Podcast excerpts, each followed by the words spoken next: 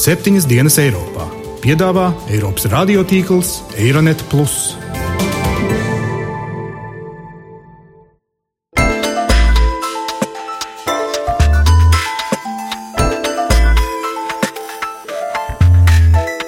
Šonadēļ septiņas dienas Eiropā dzirdēsim. I'm not the strapping young Muslim socialist that I used to be. Aber das war jetzt ein kleiner Scherz.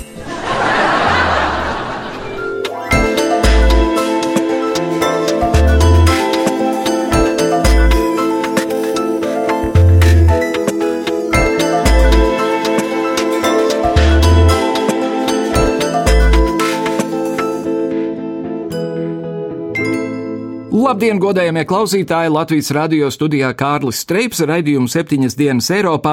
Jau atkal pagājušas septiņas dienas kopš pēdējo reizi tikāmies, un šodien, pēdējā marta dienā, par godu rītdienas vispasaules muļķu dienai, arī mēs centīsimies būt drusku mazāk nopietni. Raidījums septiņas dienas Eiropā ļaus jums vienlaikus ielūkoties pagātnē, tagadnē un nākotnē, uzzināt, par ko smējas pasaule un par ko ķiķina Eiropā. Krievijas izslēgšana no G8 un Maskavas pašizolēšanās tika plaši apspriesta medijos, bet tikpat plaši izplatījās žurnāla The New Yorker joks par Krievijas prezidenta Vladimira Putina jaundibināto klubiņu K1. Jau jūnijā Sočos būšot pirmais G1 samits, kuru apmeklēs K1 dalību valsts Krievija, un vēl tiek minēts, ka Putins uzskata, ka viņam ir lielas izredzes kļūt par šīs jaunizveidotās nāciju grupas pirmo prezidentu. Tikmēr Eiropas Savienības kandidātu valstī Turcijā iedzīvotājiem tikusi bloķēta pieeja interneta vietnē YouTube. Tas noticis tikai dažas dienas pēc tam, kad jau arī nobloķēta Twitter lietotne Turcijas teritorijā. Aizliegumi ieviesti īsi pirms pašvaldību un prezidenta vēlēšanām. Abas vietnes tikušas plaši izmantotas, lai publicētu noplūdes par korupciju premjera Erdogana valdības lokā. Tauta par Erdogānu tikai pasmīn, jo viņš laikam nezina, ka jau pirms diviem gadiem, tieši 1. aprīlī, publicēts sludinājums, ka beidzot varot nopirkt visu YouTube video kolekciju DVD formātā.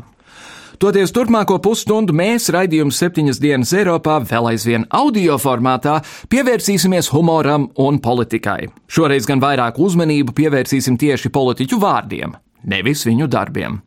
Bet vispirms manu kolēģu Maijas Surskas un Lūkas Rozīša sagatavotais nopietnais atskats par pēdējās nedēļas galvenajiem Eiropas notikumiem.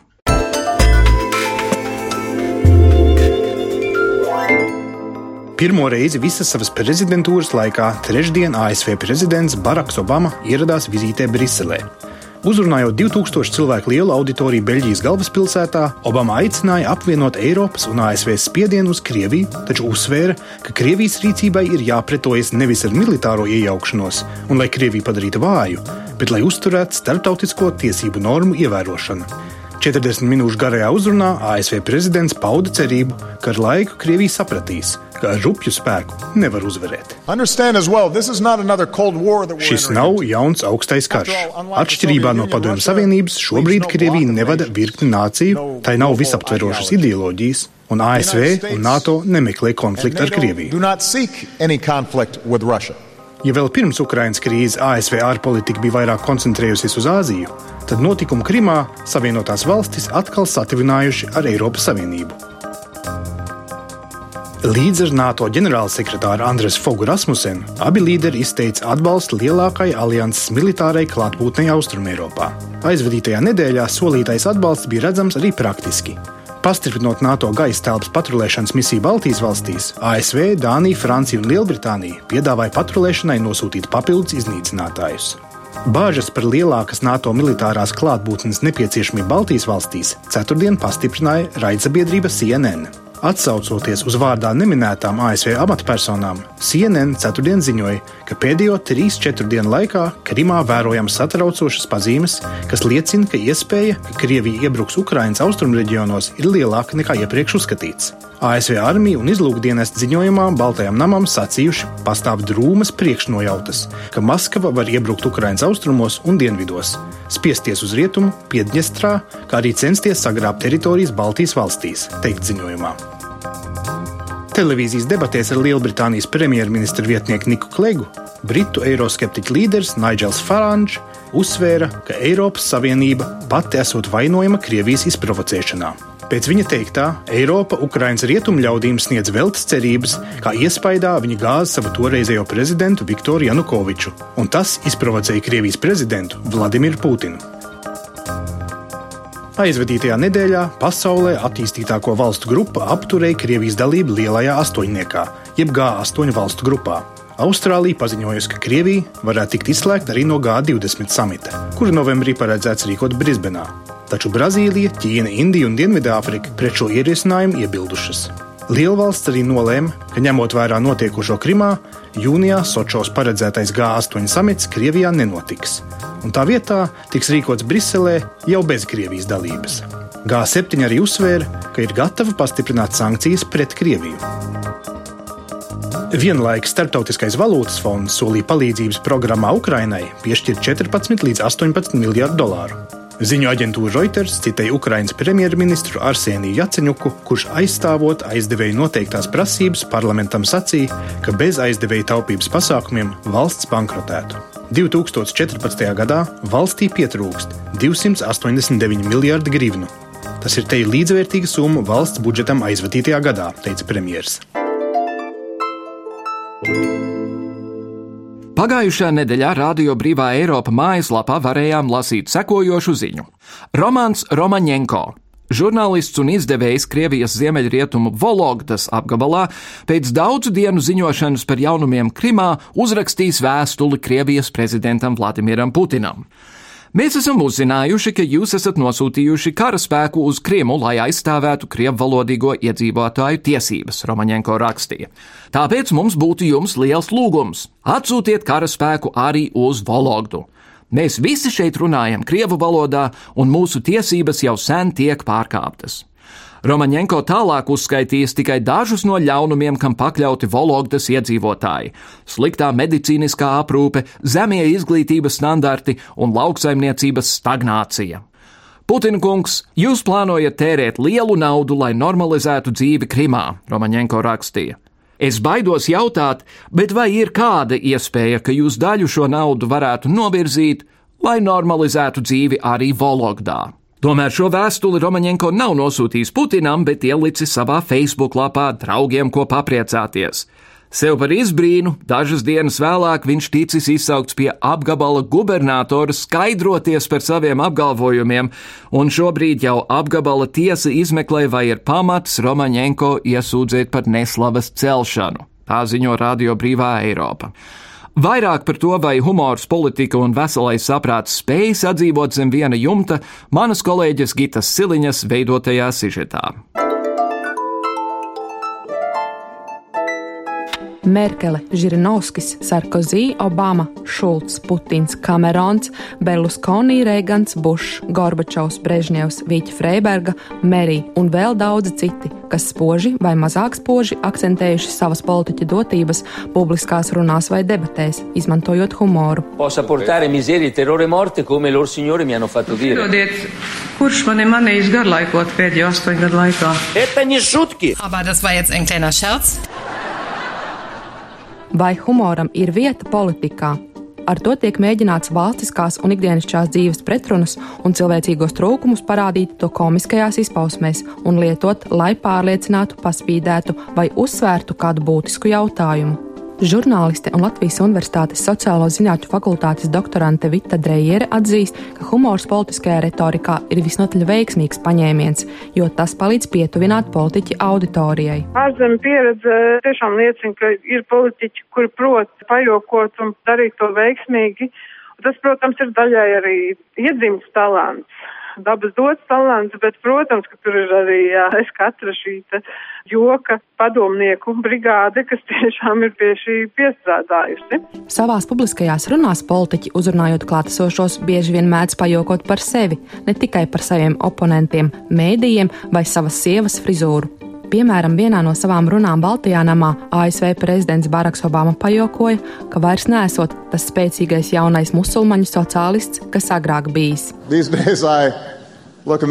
Admit, I'm not the strapping young Muslim socialist that I used to be. Lai gan dažkārt tiek norādīts, ka Obama nemaz nav tas spožākais piemērs, kura runas būtu vērts piedāvāt kā spilgtus laba humora akcentus politiskajā komunikācijā, jo tās apstrādājuši PR speciālisti, kas ir neizbēgams jaunākās paudzes politiķu ieguvums, tomēr vienlaikus jāatzīst, ka viņš ir viens no tiem, kam humors varētu teikt ir dabas dots talants. Žurnāla ir žurnālists un politikas komentētājs Aivars Ozoliņš uzskata, ka nav tēmu, kurās cilvēks nedrīkst būt asprātīgs. Viss ir atkarīgs no gaumes un mēra sajūtas. Savukārt politikas un humora attiecības Aivars Ozoliņš vērtē šādi. Nu, tagad demokrātiskā valstī pie politiķa darba pieder arī spēja komunicēt ar cilvēkiem, sazināties, rast atbalstu sev un savām idejām un savai politikai. Un, protams, politiķi mēģina to izdarīt tādā veidā, kādā cilvēkiem tas šķiet simpātiski un saprotami. Tāpēc te atkal nu, tieši tas pats ir jautājums pa gaumi. Un te atkal nāk tas trešais, varētu teikt, punkts, ka, nu, kam Dievs ir devis asu prātu, nu, tam ir, nu, kam nav, tam nav. Līdzīgi komentē arī Vita Dreijere. Jokošana ir tāda visnotaļ sarežģīta māksla, jo ir jāprot pajokot pirmkārt īstajā laikā, un otrkārt tā, lai tevi nepārprot. Man tāds ļoti labs piemērs, kas man nāk prātā, bija savulaik pēc uzbrukuma Leonītam Jākapsonam, žurnālistam kāpņu telpā.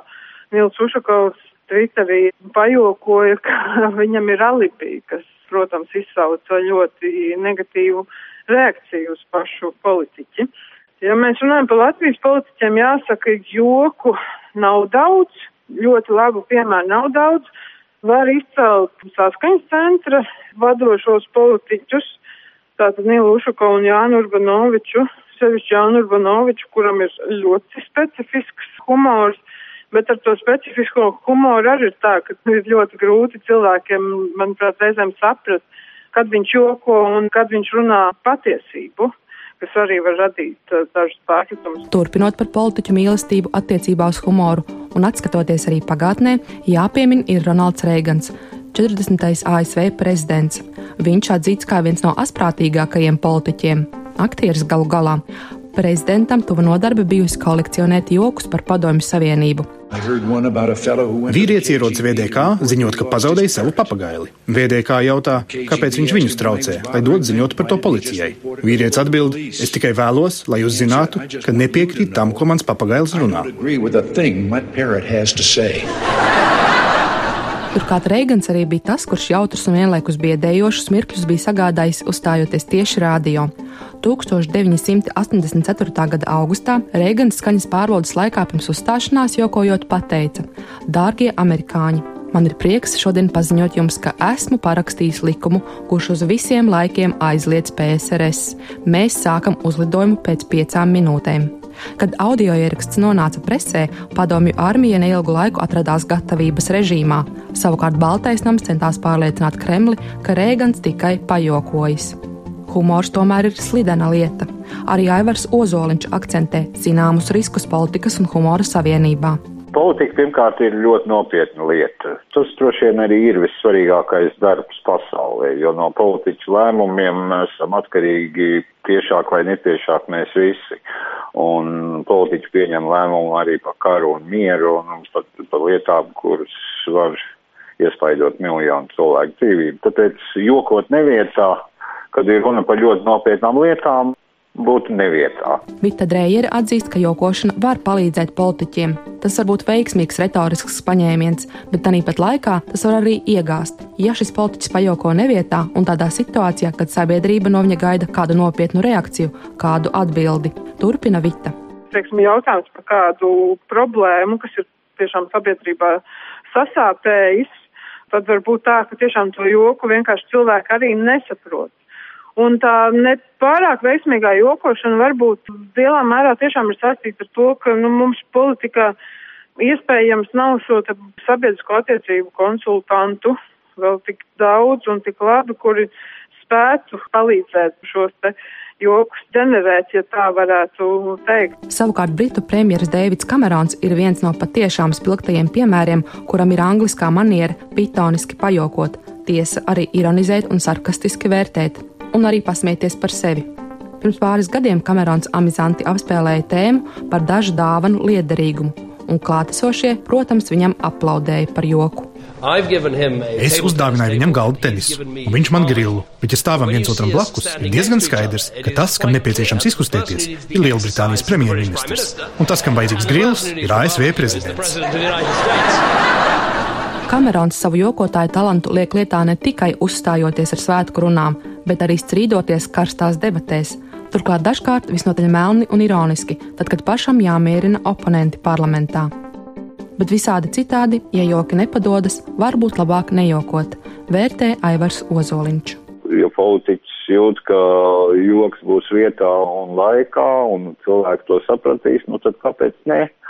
Jo citādi var gadīties jau tieši otrādi, ka viņi paši kļūst par joku un apsmieku. Nu, mēs jau bieži vien vairāk atceramies tos kā jocīgus un smieklīgus, tos politiķu izteicienus, kurus viņi patiesībā bija domājuši nopietni. Kārlis Ulmans bija teicis, mūsu nākotnē ir teļos. Bet mūsu pašreizējais prezidents bija teicis gudrāk, ka nākotne ir nākotnes cilvēku rokās. Cits politiķis ir teicis, ka krāniem un buldozeriem jāstrādā lidos. Tā tie jau nebija domāts kā joki, tas jau bija domāts nopietni. Thank you. Šodien uz izvērstāku sarunu par jokiem un nopietnību, par Eiropas un pasaules valstu atšķirīgajām humora izjūtām, par to, kādos nolūkos politiskajā retorikā tiek izmantota ironija, satīra un humors, kā arī mazliet par Boratu. Komunikācijas doktors Tartu Universitātes un Latvijas Universitātes pētnieks Mārtiņš Kaprāns. Labdien! Sveiki! Sāksim varbūt ar eh, kaut ko salīdzinoši jaunu, proti, ka Amerikas prezidents ir pat laban Eiropā, un viņš ir ļoti nicinoši izteicies par Putinu un par Krieviju, sakot, ka tā ir reģionāla spēka spēks, vārks, spēks. Mums jau arī ir kaimiņa attiecības, bet mēs neatrodam pa vajadzīgu iebrukt tajās valstīs un tā tālāk. Tas ir labs piemērs par politisko satīru, laikam. Jā, nu vispār viss šī tā kontekstā, kas ir eh, sācies, teiksim, no decembra kaut kur, es domāju, ar to visu Ukrainu. Man tā liekas, tik spēcīgi satīra kā instruments, vispār kā veids, kā pateikt kaut kādu savu nostāju, nu, sen nav bijis izmantots. Restīvi, tik daudz karikatūru, tik daudz dažādu pārspīlējumu, kas tiek uztaisīti vizuāli un tiek pēc tam izplatīti internetā un daudz kur citur. Teiksim, visu lielāko, ja mēs skatāmies tur gan Times, gan citu lielāko visu žurnālu vāki vai The Economist, piemēram, ļoti daudz izmanto karikatūras kā veidu, kā paust šo savu arī savā ziņā politisko attieksmi. Bet, nu, Obama, protams, šajā veidā ar ļoti smalku, ja tā var izteikties, humoru ierakstījās.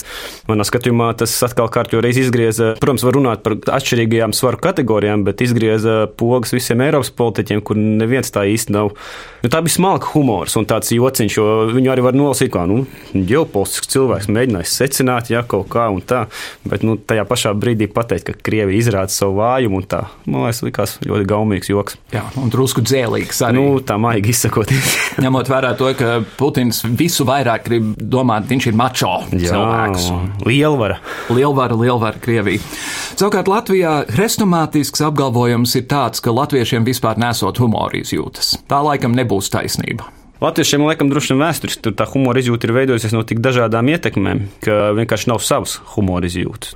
Mēdz runāt, piemēram, Austrumē Eiropā runā par čehu kaut kādu īpašo humoru. Viņiem šveiks kā tāds čehu kaut kāds pilnīgs simbols, kā viņi sevi redz, ja nu, ka viņi māk par sevi pasmieties. Un esmu dzirdējis arī no dažiem intelektuāļiem, man liekas, ja nemaldos, ka viņi esat izbrīnījuši 90. gadu sākumā, ka teiksim, kādu vieglumu un, zināmā mērā, tādu spēlējošu viegprātīgumu, teiksim, Vāclavs Havels un visi Čehu tā laika topošā politiskā elite esot vispār nu, dzīvojuši to laiku, kas bija īstenībā diezgan dramatisks laiks, 80. gadu beigas un 90. gadu sākums.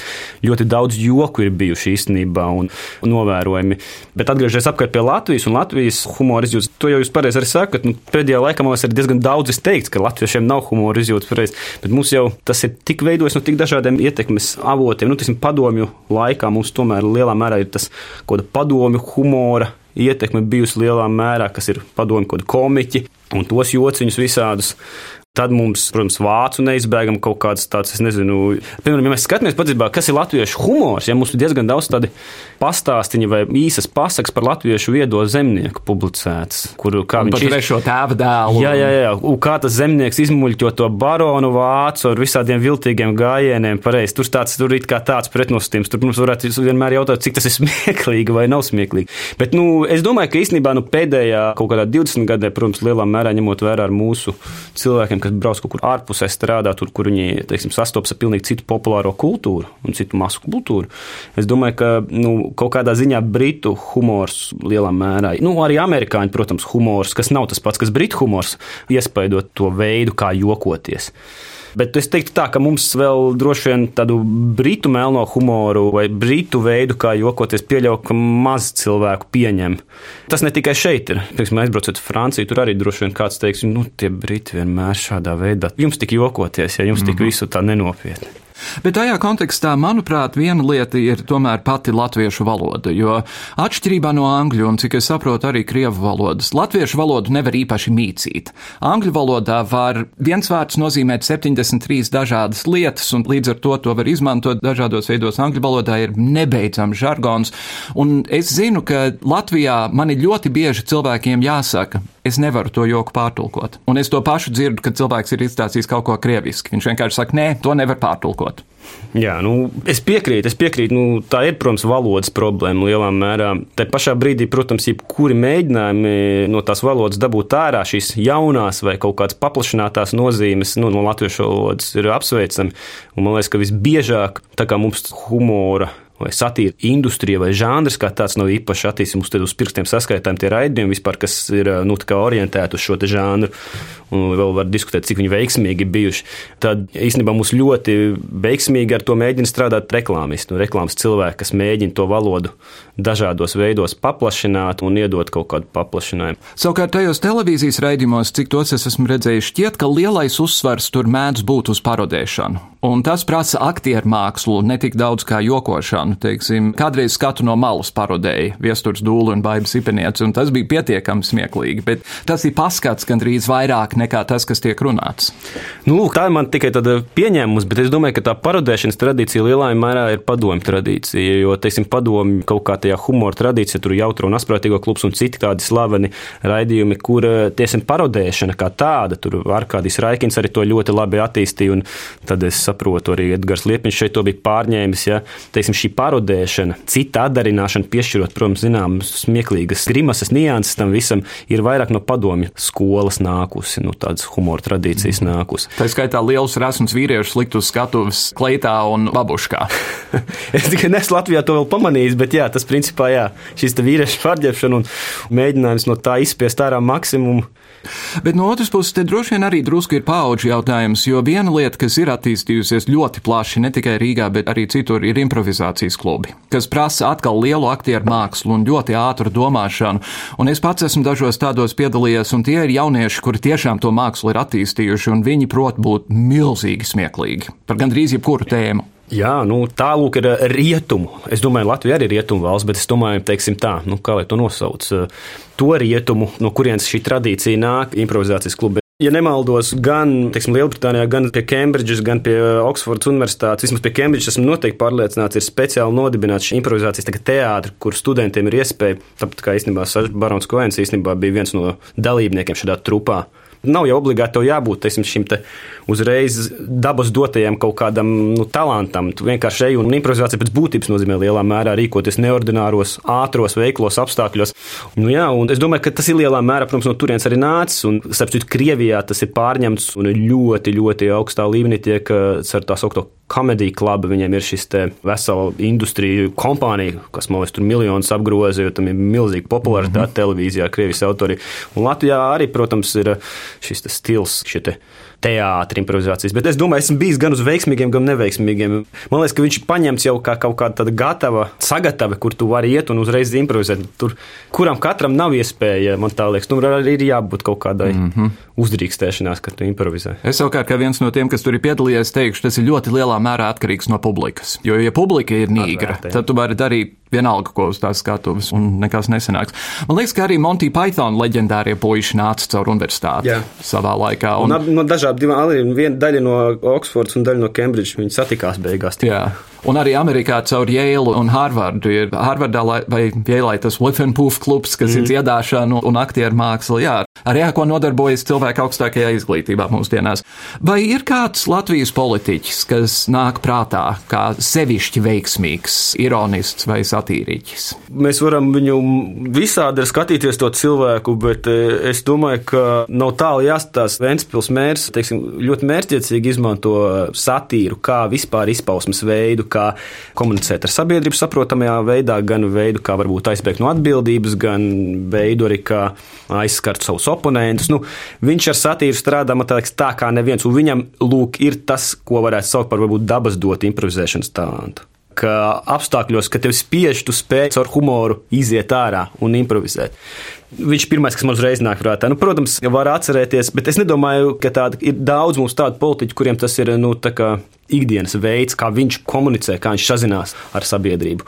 Tiksim, ja es paklausos Boris Johnsonu, ja man liekas, ka pat, ka viņš, nu, Londonas mēra, ka viņš pat nejoko, ja man liekas, ka viņš visu laiku joko, vai vismaz ir tāds sajūta, ka viņam kaut kāds šausmīgs vieglums no viņa nāk, ka viņš runā. Mm -hmm. Viņam tas tēls, protams, arī tāds bišķiņ, tāds varbūt amizantāks ir, bet viņš, uz, nu, viņam ir tāda, vienmēr tāds nedaudz smīniņš arī kaut kur viņu pavadē, ja tāds. Un tas ir interesanti, jo cilvēki, ko mēs esam piesaukuši te ārzemēs, gan Vaclevs Havels, gan arī Boris Johnsons, galvenais, kas par viņiem ir jāsaka, ir, ka viņi ir izmisīgi augsti izglītoti cilvēki. Un viņiem tā valodas izjūta ir mm. tāpēc, ka viņi daudz ir lasījuši, Havel gadījumā daudz rakstīja pats. Igaunijas pirmais prezidents bija tāds pats, viņš nāca no inteliģentu un literātu vidas, un viņiem tas varbūt nāk diezgan dabiski. Jā, nu tas īstenībā nav paradoxāli droši vien, bet acīm redzot, tas talants jokot vai tā vēlme ir kaut kādā mērā saistīta ar inteliģenci. Runājot par pašu atkal Baronu Koēnu, ja, nu viņš ar mm -hmm. tomēr maģistrs vēsturē. Savu maģistra darbu rakstīja par melnādēnu afroamerikāņu pilsoniskās atbrīvošanās kustību 60. gados. Brauca tur cilvēkus, intervēja. Viņš īstenībā bija diezgan talantīgs students, kā daudz atzīst mm -hmm. profesori. Un novēroja Amerikas tumšādainos un, un izveidojās Alīģī. Jā, tas ir stāsts par to, jā, ka viņš lielā mērā savu valodu, savu to dialektu Alīģī, viņš apguva tos pirmos svarīgākos izteicienus. Un man liekas, viņš parodēja Lielbritānijā dzīvojošos jamaikiešus. Jā, un, un jā, jā. Dāmas un kungi, mēs runājam par Sašu Bāru un Kohenu, kuru varbūt jūs labāk pazīstat ar jēdzienu Borats. Viņam bija tā filma, kurā Borats no Kazahstānas devās pasaulē. Kā jūs ieinteresēja tieši Borats? Nu, es kādu laiku studēju Roskildē, Dānijā, un tur es dzīvoju kopā pamatā ar austrumēropiešiem. Un mums kaut kā bieži vien nācās attapties, ka mums kaut kāda joki nāk no Barona Koena repertuāra, pamatā vai no, no LG. Un tad es tā atbraucu apakaļ un es sāku domāt, nu, pirmkārt, tas ir tik interesants tēls, tas Borats, nu, tajā ziņā, ka viņš it kā to kaut kādu austrumu Eiropas to specifiku mēģina komunicēt, to postpadomju, visu to šārmu mēģina komunicēt. Tā pašā brīdī viņā ir ielikti daudz arī rietumu, teiksim, es domāju, Lielbritānijas sabiedrības problēmas ar viņa to ne antisemītismu, ne tikai, bet arī vispār šo te kaut kādu ignoranci pret citām kultūrām, kas varbūt ir raksturīga zināmā mērā. Nu, tāpēc, ka Borats ir orientēts gan uz Lielbritānijas, gan uz Amerikas sabiedrību, mm -hmm. arī mhm. kritiku lielā mērā. Jā, nu, Borats man likās tik šausmīgi interesanta personība, ka es domāju, nu, man kā pētniekam gribās viņu arī apskatīties, kā viņu vispār cilvēku uztver. Un tad es domāju, nu, kā es to varu dabūt, to uztveri mēģināt, kā es varu piekļūt tai uztverei. Un tad es sāku skatīties vienkārši, ir YouTube slavenajā, vienā no slavenākajiem sociālās tīklošanas mēdījiem pasaulē, milzīgi skatījumi daudziem tiem Borata video. Tur miljonos, miljonos tie skatījumi ir. Un es domāju, nu tad es pastīšos, kā tur, jo tur ir tā iespēja izpausties, komentārus rakstīt un rakstīt, ko tev tas izraisa tevī, kādas emocijas. Mm -hmm. ja? Es vienkārši gāju sistemātiski cauri šiem komentāriem un mēģināju saprast, nu, kādā veidā viņi mēģina sagramot to borota tēlu. Bet eh, nu, to borota tēlu jau īstenībā grūti sagramot kaut vai no tā, ka viņš ir tik sarežģīts un daudzslāņains, kā jau teicu. Tu. Viens ir tas viņa austrumēropiešu, viss tas šārms, kas tur nāk ārā, ja, un to, kā tiek spēlēts. Tad ir viņa viss tas, teiksim, antisemītiskais moments, kas izraisa ļoti daudzu, vismaz pēc tiem komentāriem spriežot tādu no islāma valstīm tā reakciju, ka tā vai nu ir provokācija, vai tas savukārt ir, nu, tā. tā. Sašbarats, ko es, protams, pats ir arī, viņš to nekad nav slēpts, viņš ir diezgan, nu, ne gluži ortodoksāls ebrejs, bet viņš ir orientēts uz, nu, viņš arī diezgan bieži ir apmeklējis Izraēlu, pat, ja nemaldos jaunības gados, ja ne kibucos, tur pavadījis kaut kādu mm -hmm. laiku. Un tas ir stāsts par to, kā viņš spēja arī, protams, kā ebrejs, izmantot šos stereotipus par ebrejiem un spēlēties ar to.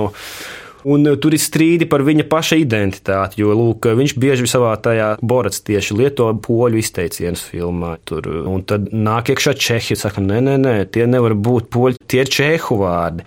Tad nāk Rumāņi iekšā, jo filma izrādās ir Rumānijā uzņemta, ne jau Kazahstānā. Mm. Jau Rumānijas kalnu tajā čigānu vai Romu ciematiņā uzņēma.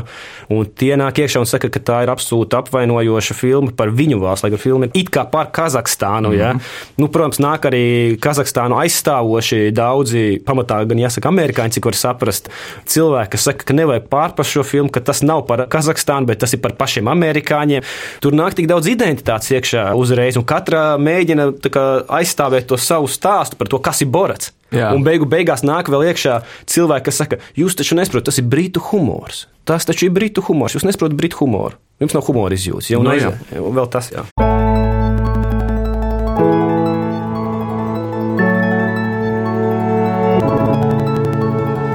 Kā vienmēr mēs vaicājam mūsu viesiem, kam būtu jāpievērš uzmanība nākamajā nedēļā Eiropā un pasaulē, vai arī šajā gadījumā kāda varētu būt mīļākā politiskā anekdote politiskā anekdote. Es nu pat redzēju karikatūru tādu no tās sērijas eh, Putins zvana Obamam. Putins saka Obamam, vai jūs zinat, kā mēs tagad saucam Aļasku? Un viņš saka, nu, kā tā jūs saucat Aļasku? Un Putins saka, mēs viņu saucam par aizskrīm. Tas ir tā kā ar to krimu, tas ir tā kā vārds spēles. Vārdu spēle. Skaidrs. Mārtiņš Kaprāns, sirsnīgs paldies par sarunu un turpināsim smieties. Paldies! Lūk, dāmas un kungi, ar to arī izskan šīs nedēļas raidījums septiņas dienas Eiropā. Atcerēsimies lūdzu visi vienu īstu, īstu patiesību. Smiekli ir vislabākās zāles. Līdz nākamajai nedēļai Kārlis Streips jums saka visu labu!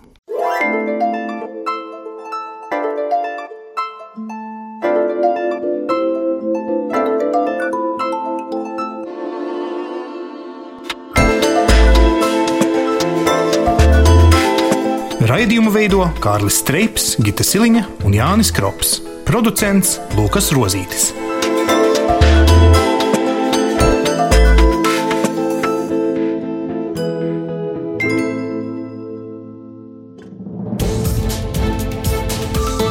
Visus Eironet plus sižetus un raidījumus meklējiet Latvijas radio mājaslapā.